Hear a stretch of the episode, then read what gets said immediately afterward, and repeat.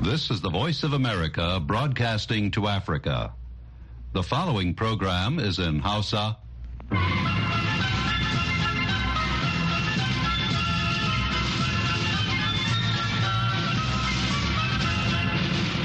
Sashen Hausa na murya Amurka ke magana daga nan birnin Washington DC. Masu sauraro Assalamu alaikum barkanmu da wannan lokaci. Muhammad Hafiz Baballe ne tare da sauran abokan aiki. Muke farin cikin gabatar muku da wannan shirin na wannan safiya ta Lahadi. Bayan labaran duniya za mu kawo muku shirin matasa a duniyar gizo da maimacin shirin lafiya uwar jiki da kuma nasihar Lahadi.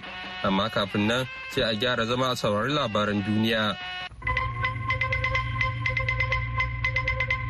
To Assalamu alaikum masu saurare ga labaran mai karantawa Ibrahim Kalmasi Garba. Isra'ila ta amince da akalla wasu bangarori na jadawalin kwance ɗamara a Gaza da ya hada da sakin mutanen da aka yi garkuwa da su a cewar wani babban jami'in gwamnatin Amurka jiya Asabar. Yanzu ya rage Hamas ta yanke shawara kuma muna ci gaba da ƙoƙarin ganin hakan ya tabbata iya ƙarfinmu. a cewar jami'in wanda ya yi magana da 'yan jarida bisa sharaɗin sa kai sunansa saboda bai da hurumin yin bayani kan tattaunawar. Idan yarjejeniyar ta karɓu kamar yadda aka tsara za ta yi aiki na tsawon makonni shida kuma ta tanaji sakin mafiya rauni daga cikin mutanen da aka yi garkuwa da su. A halin da ake ciki kuma wani jerin gwano da dubban isra'ilawa suka yi don jaddada buƙatar sakin mutanen da aka yi garkuwa da su a Gaza ya isa birnin Kudus jiya Asabar yayin da wakilan bangarori ke shirin komawa wurin tattaunawar tsagaita wuta a birnin Alkahira wadda za ta ƙunshi musayar fursunoni da Hamas. Masu tattakin waɗanda suka kama hanya tun daga ɗaya daga cikin wuraren da aka kai wa hari a watan Oktoban sun ɗau tutocin ƙasar Isra'ila da balan-balan masu launin rawaya. da kwalaye masu ɗauke da hotunan waɗanda aka yi garkuwa da su ɗin a wannan takawar wadda suka shafe kwanaki huɗu suna yi. Mutane akalla bakwai ciki har da wani ɗan yaro da wata uwa da jinjirinta sun mutu a wani harin jirgin sama mara matuki da rasha ta kai jiya asabar kan wani rukunin gidajen iyalai a birnin odessa mai tashar jirgin ruwa da ke kudancin ƙasar ukraine a cewar hukumomin yankin. Rundunar sojin ukraine ta ce bataliyar tsaron sararin samanta ta kakaɓo bakwai daga cikin jirage marasa matuƙa takwas da rasha ta auna odessa da su.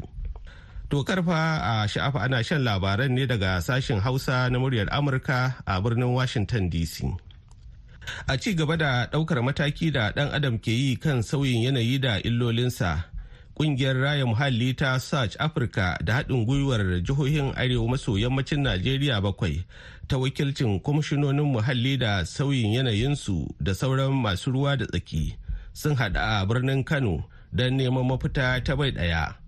Wakilinmu mahmud ibrahim kwari na ɗauke da karin bayani. Taron wadda ƙungiyar raya muhalli ta swaj africa ta shirya ya ƙunshi shugabannin kwamitocin majalisun dokoki na waɗannan jihohi masu kula da wannan fanni da sauran masu ruwa da tsaki. Abin da ya samu kano zai iya samun sokoto zai iya samun kaduna. To in haka ne wane irin dokoki za mu sa? Wane irin projects da initiatives za a yi developing. Madam Nasrim Al-Amin kenan daraktar ƙungiyar SWAJ a cewar mahmud muhammad abdullahi kwamishinan raya mahalli na jihar zamfara kalubalen tsaro da jihar ke fama da shi baya rasa alaka da sauyin yanayi da barazanar kwararowar hamada. Wannan matsala na sauyin yanayi yana cikin abubuwan da yake kawo mana wannan matsalolin tsaro da a fulaninmu sukan tashi daga zamfara su koma kudancin najeriya saboda rashin ruwa shi da ake cewa drought da turanci da kuma deforestation da ake yayyanka itace da ake kuma ya haikara taimaka wajen haifar da matsalan tsaro. Dr. Nura Ibrahim Kazaure shine kwamishinan muhalli na jihar Jigawa. Muna so mu samu haɗin kai ne mu rinka yin abu bai ɗaya. Muna so mu samu wani kundi wato na ɗumamar yanayi wanda zai nuna yadda za a yi a cimma gaci. Dama dai manazarta sun daɗe suna bayyana alfanun samar da tsare-tsare na bai ɗaya a tsakanin gwamnatocin arewa domin magance kalubalen da yankin ke fuskanta a fannoni daban-daban na rayuwa. Mahmud Ibrahim Kwari. A gaida Mahmud. Wani babban ɓangare na sana'ar su da tasoshin tace ruwa da ke wadata miliyoyin mutane da ruwan sha da kuma halittun ruwa iri-iri duk na fuskantar wani mummunan haɗari daga wani barin taki mai yawan gaske da kuma yoyon mai duk a tekun bahar al'amar sanadiyar nutsewar da wani jirgin ruwan ɗaukar kaya ke yi biyo bayan harin da 'yan tawayen hutsi na ƙasar yaman suka kai masa. Jiya asabar jami'ai sun ce jirgin mai suna mb rubemar mai ɗauke da tutar belis da aka ce yana ɗauke da ton dubu ashirin da biyu na taki mai guba ya nitse bayan da ya shaƙi ruwa sanadiyar harin da aka kai masa tun a ranar 18 ga watan fabrairu. Tun ma kafin jirgin ya fara nitsewa cikin tekun mai mai gwiɓi ya yi ta yoyewa inda ya ɓata wuri mai tsawon mil goma sha takwas a mashigar ruwan. A ƙarshe shugaban wucin gadi na chadi muhammad idris dabi jiya asabar ya ce zai shiga takarar shugaban ƙasa na zaɓen da za a yi bana a ƙasar. Wannan shela ta dabi na zuwa ne a ƙarshen mako mai cike da tashin hankali inda aka kashe jagoran 'yan adawar siyasa yahaya dillo a injamina babban birnin ƙasar. Labaran duniya aka saurara daga nan sashen hausa na murya amurka a birnin washington dc Yanzu kuma sai a gyara zama domin yin shirinmu na gaba. Social media duniyar matasa, miya da alkhairi karmiya da zamba. Masu sauraro Assalamu alaikum mu da arzikin sai kasancewa cikin wani sabon shirin matasa a duniyar gizo shin da ke tabo duk batutuwa da suka shafi mu'amalar matasa da kafofin na yanar gizo sunana Halima Abdulra'u jagorar shirin.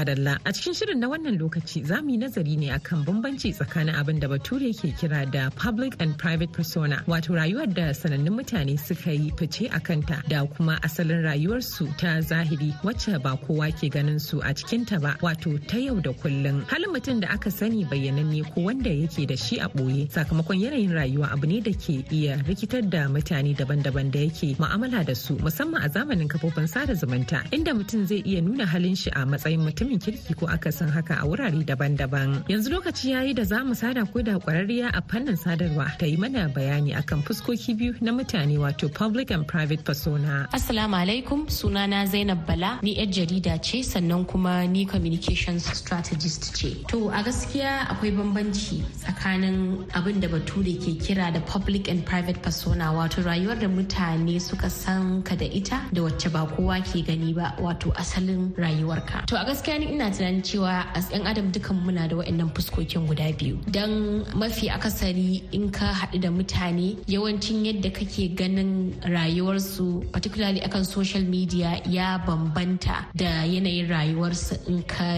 hurɗa da su face to face haka. Kuka yi magana ko kuka yi zumuntaka ko ka je kusa da su hakan nan zaka ga akwai bambancin yanayin rayuwarsu. Sannan kuma gaskiya ina gani kamar social media ya ƙara haddasa wasu 'yan fice fitinu da yake gaskiya ba kowa ne yake son ya yi portraying rayuwar shi a social media cewa ai komai baya tafiya daidai ba. Amma in ka duba deep down asalin me ke faruwa a cikin rayuwar mutum za ka ga cewa ai bumpy ride ne ba smooth ride ba ne. Wani lokaci za ka ga irin luxuries inda muke portraying a social media za ka ga akwai bambanci da in kai hurɗa da mutum haka irin face to face to wannan kuma ya daɗa jawo wani irin phase na dangantaka da mutane. Ne wani saboda yanayin yadda ka ga yadda yake a social media ka riga da ka categorizing mutum cewa ai yayi belonging to a particular class ko kuma shi ai ga yanayin rayuwar shi. So idan ka haɗu da shi gobe perception ɗin da kake da shi akan ka kenan about that person. And so in kuma ka je kusa kaga ai abu ba haka ba ne sai kaga an samu conflicting narratives of yadda kai perceiving cewa ai mutum haka yake a social media sannan kuma da yadda yake a rayuwa zahiri. Shin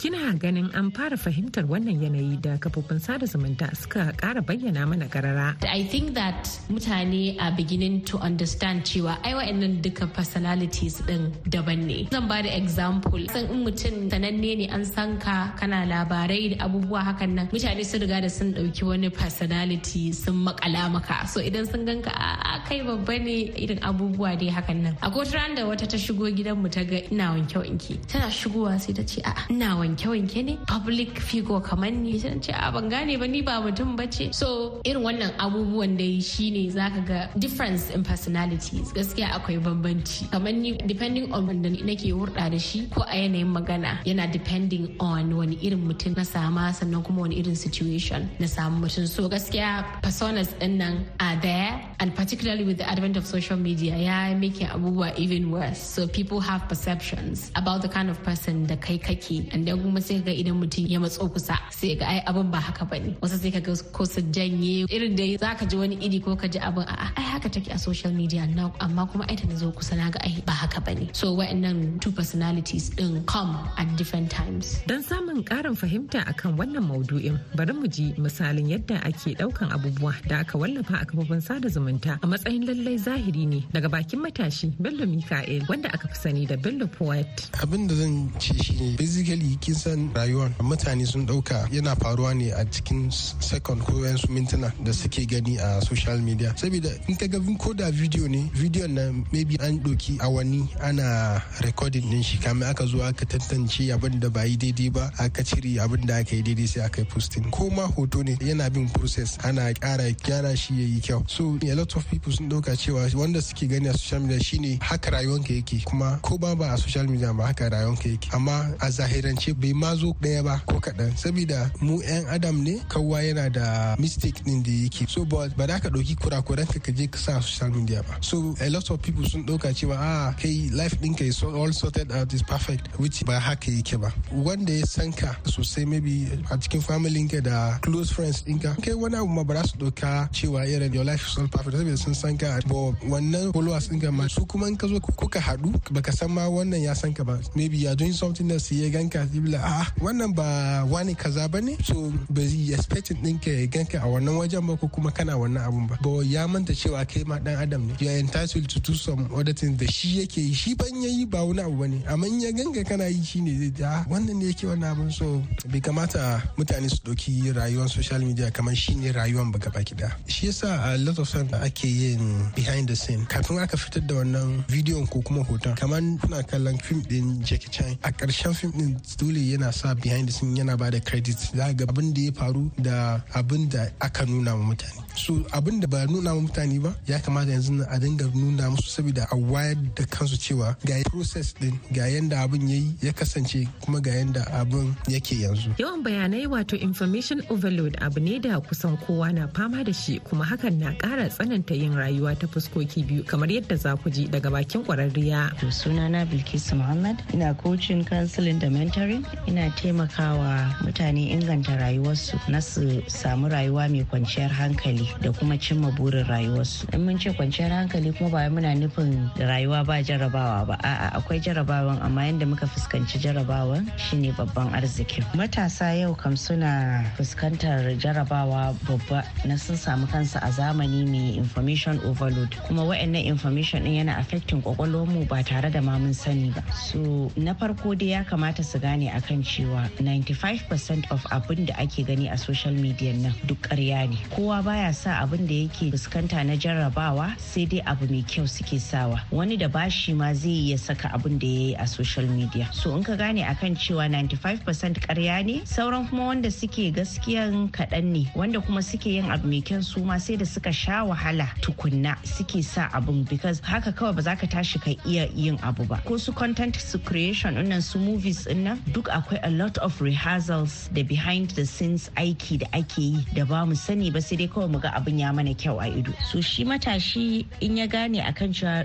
duk wa'annan abubuwan ba wai lalle gaskiyar rayuwa ba ne zai samu mutma'inna a nan. Na biyu ka accepting kanka inda kake ka gode wa Allah a inda ka samu kanka. Don koyaya kake akwai wasu strengths ɗin da Allah ya baka so in ka yi accepting kanka ka gano me strengths ɗinka ka gane ga inda nake ga strengths ina to me zan iya yi da zai kai ni ga inda nake so in je? In ka gano hakan ka san inda kake so ka jan sai kuma ka taimaki kanka da neman ilimi da ko aikin da ko wani sana'ar hannu da kake so ka rinka yi that will lead you there. Amma ka gane kai hankalinka yana kan naka rayuwar in kana irin haka. Ba wai kana kallon na wasu ba yana sa maka damuwa. Shin idan mutum ya shiga damuwa sakamakon kallon rayuwar wani mutum a kafofin sada zumunta ya zai da kansa? Duk da dai in mun samu damuwar ma ba laifi ba ne don mu dan adam akwai son zuciya akwai sha'awa. Su in ma ka gani ka so ko ka yi sha'awan duk ba laifi ba ne. Laifi shine ka zauna a cikin damuwa ka ƙi yin komai a kai. Amma kaga in ka gane akan cewa a ina nake a rayuwata me zan yi da zai kai ni ga inda nake so kuma in je? To wa'annan ma zai buɗa maka kwakwalwarka ka koma ka rinka tunani a kan kanka. As against kana ganin rayuwar wasu kai kana ganin kai ne abin tausayi. Da kuma na uku gratitude gode wa Allah a koyaushe. Da inda ka samu kanka. Kana gode mishi kuma kana ƙara kuzari da ƙoƙarin inda kake so ka je gobe da taimakon shi. Shi a kullum rayuwa dole da jarabawa. So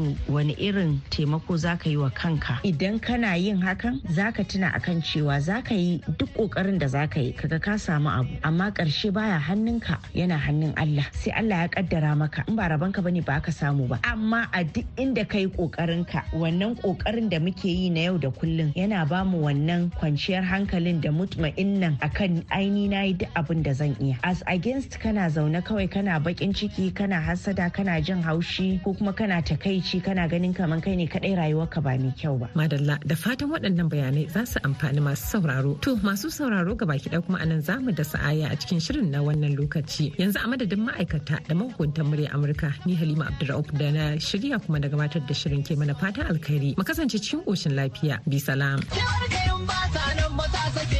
Madalla Yanzu kuma sai maimacin shirin lafiya uwar jiki da Hawa Umar za ta gabatar. Jama'a masu sauraron mu barkanku da warhaka. Barkanku da sake kasancewa tare da mu a cikin wani sabon shirin lafiya uwar jiki tare da ni Hauwa Umar. Shirin lafiya uwar jiki na wannan mako zai yi magana ne akan binciken lafiyar jiki da ake kira da medical check-up a turanci.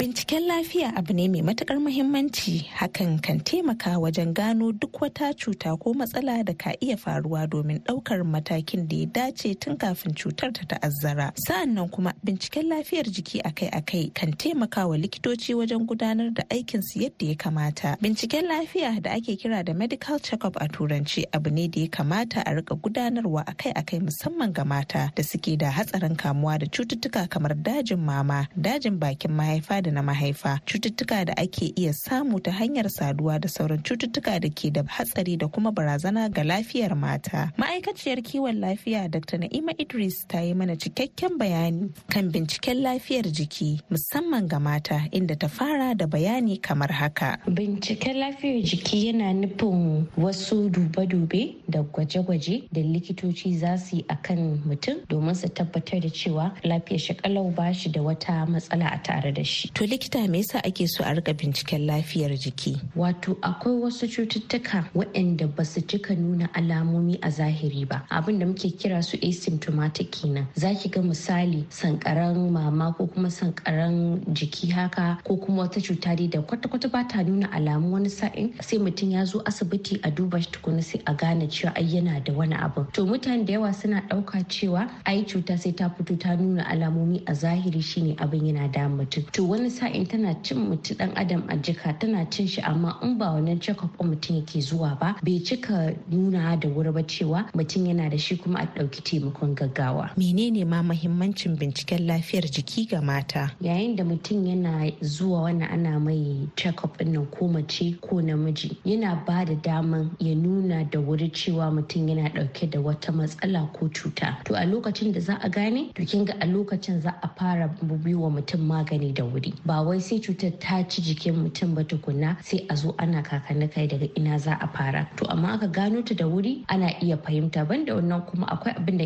ake kira family history wato wasu cututtukan da suke bi ta jini haka ta gado kenan. To kin ga idan mutum yana zuwa check up kin ga ai zai iya bayyana to shi fa ga wasu wani cuta da suke da shi a gadon su. To za a iya mai bayani shin shi yana da wannan riskin wato yana siratsin samun wannan cutar ko kuma baya siratsin samun ta to duk waɗannan abubuwan su ne suke da muhimmanci mutum ya dinga zuwa yana check up kamar hawan jini ne wasu zaki ga ba sa nuna alamu sai dai kawai su ce mai yiwuwa bayan sai yana ciwo a hannu yana ciwo. To amma idan suka zo asibiti ana duba blood pressure ɗin wato hawan jini sai ki ga ya hau. Su ba su ma sani ba kwata-kwata. To muhimmancin da ya fi ƙarfi shine a gano abu da wuri domin a tabbatar da ina za a bullo mai. Wasu gaɓoɓi ne ya kamata mata su riƙa binciken lafiyarsu? Akwai gaɓoɓi da yawa da mata ya kamata su dinga duba lafiyarsu amma bari mu fara da guda biyu waɗanda suka fi muhimmanci. Na ɗaya akwai sankaran mama shine breast cancer sai kuma na biyu akwai cervical cancer wato kansar bakin mahaifa. Kin ga ita breast cancer mutane da yawa a duk duniya abin da yasa ake gano ta da wuri suna samun lafiya kuma saboda wannan check-up ɗin da suke zuwa ne wato binciken lafiyarsu. Tunda a nan gefen duniya ba mu cika zuwa medical check-up ba sai kiga ba a gano ta da wuri har sai ta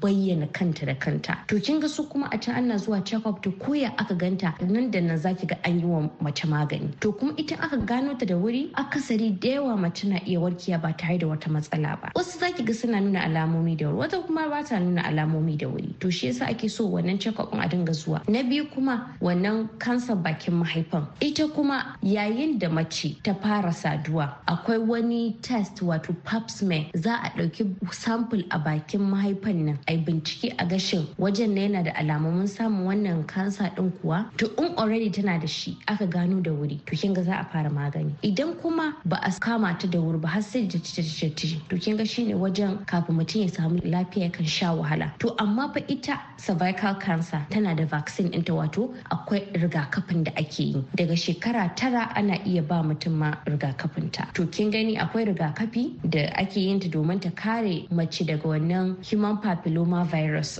wanda yake janyo ta. Sai kuma wasu hada da kamar su hawan jini su ciwon suga haka da wasu dai abubuwa da suke addabin mata. To shine ya kamata mace dinga binciken wa'annan gabobin yana da muhimmanci wa'annan gabobin balin aka yi magana akan sankaran mama da kansar bakin mahaifa. A duk duniya ita ce su ne kansa inda suke addaban mata gaba ɗaya kuma mata da yawa suna rasa rayukansu. Balle ma a wannan shafin a ƙasar mu haka ta Najeriya. Kuma abin da yake janyo wannan shine rashin wannan binciken lafiya din kenan wato medical check-up. Idan mutum ba wai ya ga wasu alamomi ba ne baya son zuwa asibiti kwata-kwata. Sai abin ya ci ya cinye. To yana da mahimmanci saboda a duniya gaba ɗaya abu ne addabi mata gaba ɗaya. To shi yasa zan iya cewa wa'annan su ne wanda suka fi mahimmanci a cikin wa'annan matsalolin. Kamar daga wasu shekaru ya kamata mace ta riƙa ziyarar asibiti don duba lafiyar jikinta. To a wannan dai gaskiya ba zan iya ce miki ga takamaiman shekarun da ya kamata mace ta dinga zuwa ana mata wannan binciken lafiyar ba. Dalili kuwa da yasa haka shine akwai yara matan da ake haifansu da wasu matsaloli tun suna kanana to kin ga su wannan tun suna kanana suke fara zuwa asibiti a duba su. To amma yanzu misali kaman a ce sankaran mama shi ma kin gani muddin yarinya da ana cewa sankaran mama bata cika shafan yan mata ba haka sai manya. To amma yanzu abin ba haka ba ne dan wasu yan matan ma bincike ya nuna suna iya samun sankaran mama. To yayin da mace ta kai shekarun balaga haka to ya kamata ita ma a dinga nuna mata yadda za ta dinga breast examination da kanta wato a koya mata yadda za ta iya duba mamanta a gida ko ta ji wani matsala haka ta gaya iyayenta sai kuma a je asibiti. To amma kin ga shi mammogram na sankaran maman da ake yi wa mata mace sai ta kai shekara arba'in ake iya mata mammogram ɗin nan. To shi kuma na cervical cancer na bakin mahaifa kin ga sai mace da ta fara saduwa ita ake iya yi wa ɗaukan mata sample din kansan bakin mahaifa. Ɗauki bakin mahaifan a duba cewa shin akwai wannan kansa din a wajen ko kuma yaya. To wasu kuma zaki ga mata suna da shekaru ƙanana to amma mewa bayan haihuwa sun sun samu wata matsala maybe ciwon zuciya ko kuma a'a ciwon siga ya sami saboda akwai ƙananan yaran da ake haifarsu da ciwon siga to kin ga wannan tun da ƙarancin shekaru za su fara zuwa asibiti. To amma idan mace tana da halin ta dinga zuwa asibiti ba tare da wani abu ya same ta ba ba matsala ban ta dinga zuwa saboda daidai da yara ƙanana ma mata akwai wanda ake iya kai su check up kamar waɗanda ramar tasa ta yi yawa haka ƙananan yara. Wasu kuma ki gani saboda girman su wato da ya obese wato kibar tas ta yi yawa ma shekarun su. To kin ga su ma ne da ya kamata ana yawan kai su ana musu check up. To ba za a kiyasta a ce dole sai a wannan shekaran ko a shekarun nan wai mace ta iya zuwa asibiti ba. To likita kamar sau nawa a cikin shekara ko a sati ko a wata ya kamata mace ta je a duba lafiyar jikinta? Misali a ce da mace ta haihu tana da 'ya'ya kin ga lokacin saboda jiki yana canjawa abubuwa da yawa a lokacin ga kuma yara wasu kuma zaki gani bayan sun haihu suka iya zuwa irin da matsaloli haka to wasu tun daga lokacin ake sun fara zuwa irin check-up ana duba lafiyar su sai kuma masu hawan jini masu ciwon siga su kin ga already akwai clinic days din su wato ranakun da ake musu check-up a asibiti. Wasu matsaloli ne mace za ta iya cin karo da su idan ba ta zuwa asibiti don duba lafiyarta. To matsalolin dai ba su wuce waɗanda muka bayani a kansu ba kamar shi sankaran maman breast cancer da kuma kansa bakin mahaifa wato cervical cancer. Sai kuma ciwuka irin su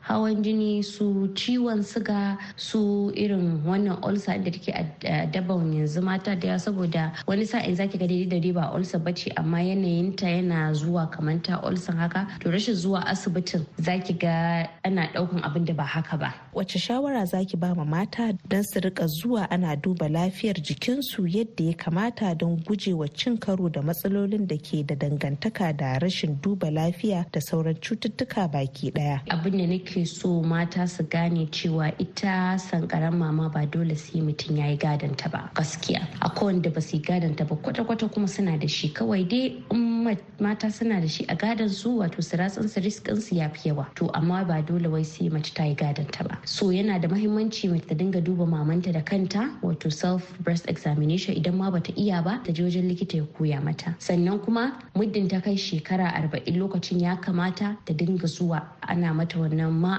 mata wannan mammogram din sai kuma shi cervical cancer din yayin da mace ta fara saduwa to risk ɗinta ya fi yawa. Amma idan aka mata allurar rigakafi kafin nan to kin ga risk ɗin yana raguwa sosai. Ƙungiyar kula da lafiyar ɗan adam ta duk duniya wato WHO cewa ta yi ma tsarki da ruwa ya isa ba tare da sabulu ma ba dole ba ne. Amma in tana buƙatar ta yi tsarki da sabulu za ta yi amfani da wanda ba shi da ƙanshi bayi da ƙarfi haka kwata-kwata. To amma ruwa ya isa to kin ga an ce ruwa ya isa balle wasu mutum su je suna turace duk waɗannan abubuwan. Abu ne da ya kamata mu sai lokaci da ya kamata mu fara kare kanmu saboda akwai cututtuka da ba a san takamaimai me yake janyo su ba. To ya kamata mu ma mu dinga kare kanmu da kanmu ba tare da wai wasu sai sun mana fada akan lafiyar mu ba. Masu sauraron mu kada ku sha'afa shirin lafiya uwar jiki ne ke zuwa muku daga nan sashen Hausa na muryar Amurka. Kuma a nan za mu da sa'aya a shirin namu na lafiya uwar jiki na wannan mako a madadin likita da muka kasance tare da ita a cikin shirin wato Dr. Na'ima Idris sai kuma ni Hauwa Umar da na shirya na gabatar nake mana fatan mu huta lafiya. Madalla yanzu kuma sai nasihar Lahadi.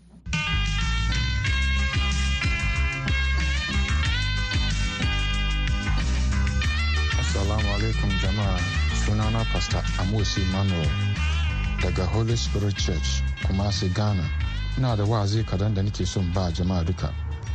Shine tun da na zo na zama pastor na karanta bible na duba gaba da baya duka. Ina gan annabawa yiri-yiri da allah ya aiko su.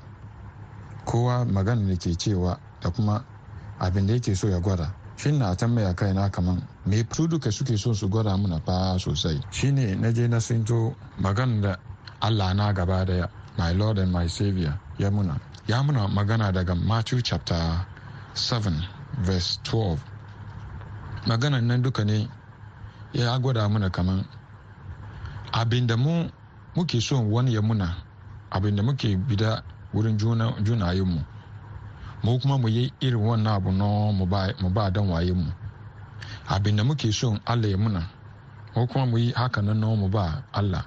Ba ka so wani ya zo ya zuba ma shara gaban ka ko kuwa cikin gotan ka ya zo ya bari ruwa ya zo ya make ko kuwa ruwa ya shigo ma gidanka.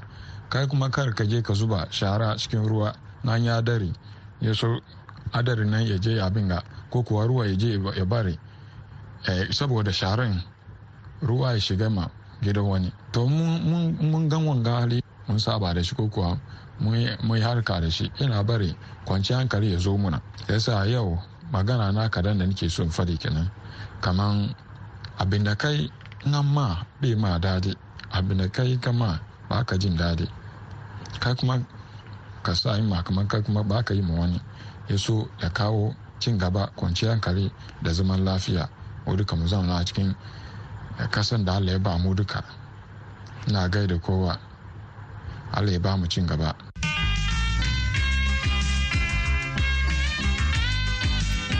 Wannan shirin na zuwa muku ne kai tsaye daga nan sashen Hausa na muryar Amurka a birnin Washington DC. Yanzu a madadin waɗanda suka ba da gudunmawa ga nasarar wannan shirin da suka hada da Julie Leathers Gresham da ta daidaita mana sauti da ba da umarni.